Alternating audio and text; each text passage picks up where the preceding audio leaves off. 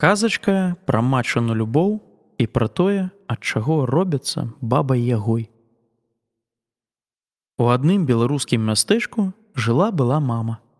І былі ў гэтай мамы два сыночки блізняты. Бацька дзетак памёр, але мама усяляк спрабавала зрабіць так, каб дзеткі все мелі і былі шчаслівымі. Хлапчукі марылі граць у рок-гурце. І на дзень нараджэння мама сабрала грошыкі і набыла старэйшаму сыночку гітару.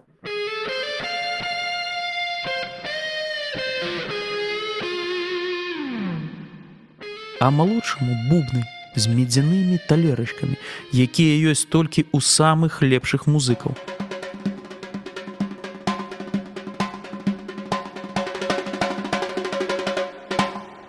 Шчаслівымі былі сыночки. Штодня яны практыкаваліся і нават самі складалі музыку. Вельмі мама любіла сваіх дзетак. Цэлы дзень яна старалася быць са сваімі малюпахамі, а ўвечары, калі дзетак укладала ў ложкі і калі яны засыналі, ішла на працу. Зранку ўсё было прыгатавана, прыбрана, дзеткі сытыя, добра апранутыя ішлі ў школку. А мама на другую працу. Але час ішоў. І паціху хлопцы станавіліся дарослымі, жаніліся і выязджалі ў іншыя большыя гарады, дзе і жыць лягчэй і плоцяць за працу больш. А маці, ну, як любая маці, спрабавала дапамагчы ім, як мага лепш уладкавацца. Так сыночки ажаніліся і ад'ехалі. У кожнага з іх былі свае сем'і, свае дзеткі. Кожны з іх сутыкнуўся з вялікай колькасцю праблемаў. Кожны спрабаваў зрабіць як найлепш для сваіх дзетак.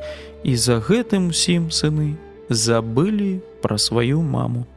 Мама вельмі сумавала па сваіх дзетках. Яна часта тэлефанавала ім і прасіла: « Прыедзьце да мяне, прывязіце сваіх жонак і сваіх дзетак. Я так хачу паглядзець на іх, прытуліць, пацалаваць. Але яе дзеткі казалі, што зараз якраз не могуць, бо не маюць часу, але крыху пазней абавязкова прыедуць. Калі прыходзіў час прыезду, мама рыхтавалася да сустрэчы, але кожны раз дзеткі тэлефанавалі, каб сказаць, што не могуць прыехаць. І кожны раз гэта былі сур'ёзныя, важкія прычыны. Так ішлі гады, а дзеткі ўсё не ехалі. Пра ўсё яны забылі і пра маму, і пра свае мары дзяцінства. Паступова мама прызвычаілася да таго, што дзеткі да яе не едуць. Мама перастала цікавіцца тым, што адбывалася вакол. Яна перастала звяртаць увагу на тое, як яна апранаецца, што яна есть. Вочы ў яе згаслі, і яна паступова перастала сустракацца і размаўляць з іншымі людзьмі. Мама страціла ўсё, што любіла сваіх сыночкаў і таму страціла цікавасць да навакольных людзей ды і да жыцця. Толькі гітара і бубны нагадвалі ёй пра сыночкаў і трымалі пры жыцці. Маці перастала выходзіць на надворак і надворак паступова зарос кустоўем, а пазней дрэвамі і высокай высокай травой. Хата пахілілася, шкло ў вокнах счарнела, надворак і хата пачалі выглядаць як у жахлівых жахлівых казках. Хаты часта гібеюць не таму, што пра іх не клапоціцца, а таму, што ў іх заціхае жыццё.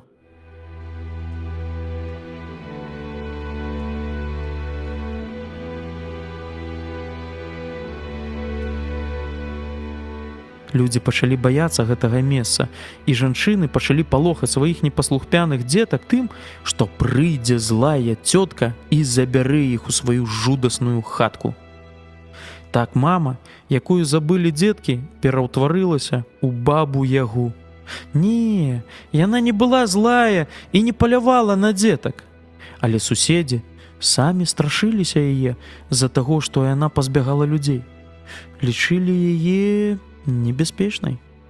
І вось аднаго разу ляцелі над хатай, дзе жыла маці анёл. Пачулі, як матчына сэрца стогне і рвецца ад жалю. Спыніліся анёлы, паглядзелі адзін на аднаго і вырашылі дапамагчы няшчаснай кінутай маці. Бачаць, на сцяне проста насупраць мамінага ложка гітара старэйшага сына вісіць. Пасядзелі анёлы каля мамы, падумалі і вырашылі ляцець да яе старшага сына, каб абудзіць яго сэрца. Прыляцелі і пачалі граць на гітары, каб сэрца старэйшага сына тугу матчыну пачула. Але сэрца сыночка моцна спала. Зацягнула яго сэрца павуцінкай уласных клопатаў. Не магло яно пачуць тугі мамы, не краналі сэрца гукі яго любімай гітары. Селі другі раз анёлы каля мамы, а мама сядзіць ля вакна, дзетак сваіх чакае, ды плача. Бачаць анёлы, стаяць у пакоі бубны малодшага сына. Падумалі анёлы і вырашылі бубнамі абудзіць сэрца другого сыночка. Прылецелі да другого сыночка, а ён увесь у працы. Працуе, паперы піша і з боку ў бок іх перакладае. Пачалі анёлы вакол яго кружыцца і з усяе моцы стукаць ды грукаць у бубны. Але і гэтага не пачула яго скамянелае ад дурных клопатаў сэрца. Трэці раз сабраліся анёлы, а мама ўжо толькі ляжыць на ложку. Так саслабела, што нават ужо і не плача, толькі апошняя слёзка сама цячэ па яе шчочцы. Бачаць анёлы, што ратаваць трэба маму.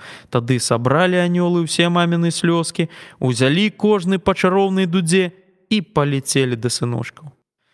Падзялілі анёлы маміны слёзкі, ды улілі іх у мяхі дуды. А потым як зайгралі,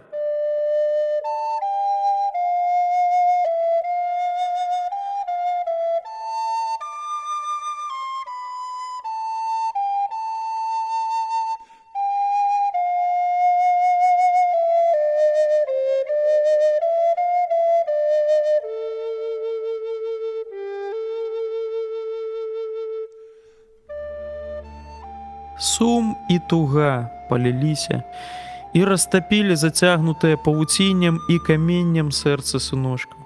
Кінулі ўсе свае справы сыночкі і паляцелі да сваёй любай матулі. Хату адчыняюць і адразу да матулі. Мамачка, любая, як мы даўно цябе не бачылі, кажуць сыночкі, а самі маму абдымаюць ды цалуюць. Прабач ты нас сваіх сыночкаў за тое, што цябе кінулі, пакінулі, забыліся пра цябе. Мы заўжды будзем з табой. А маме, як любой маме, нічога болей не трэба. Толькі каб дзеткі яе былі здаровенькія, шчаслівыя і яе любілі. Абрадавалася мама, што сыночкаў сваіх убачыла і адразу змянілася. Перастала плакаць і стала радавацца і дзетак сваіх туліць і цалаваць. Аджываць пачала хатка. Направілі сыночкі хатку, вычысцілі надворак і ніколі больш не кідалі сваю матулю. Сыночкі часта тэлефанавалі і прыязджалі да сваёй матулі, прывозілі сваіх жонак і дзетак, а яна жыла доўга-доўга і шчасліва. Калі вы не хочаце, каб вашая мама стала бабай ягой, то даглядайце і клапаціцеся. І галоўнае, любіце сваю маму. Толькі так яна назаўжды застанецца самай шчаслівай матуляй у свеце.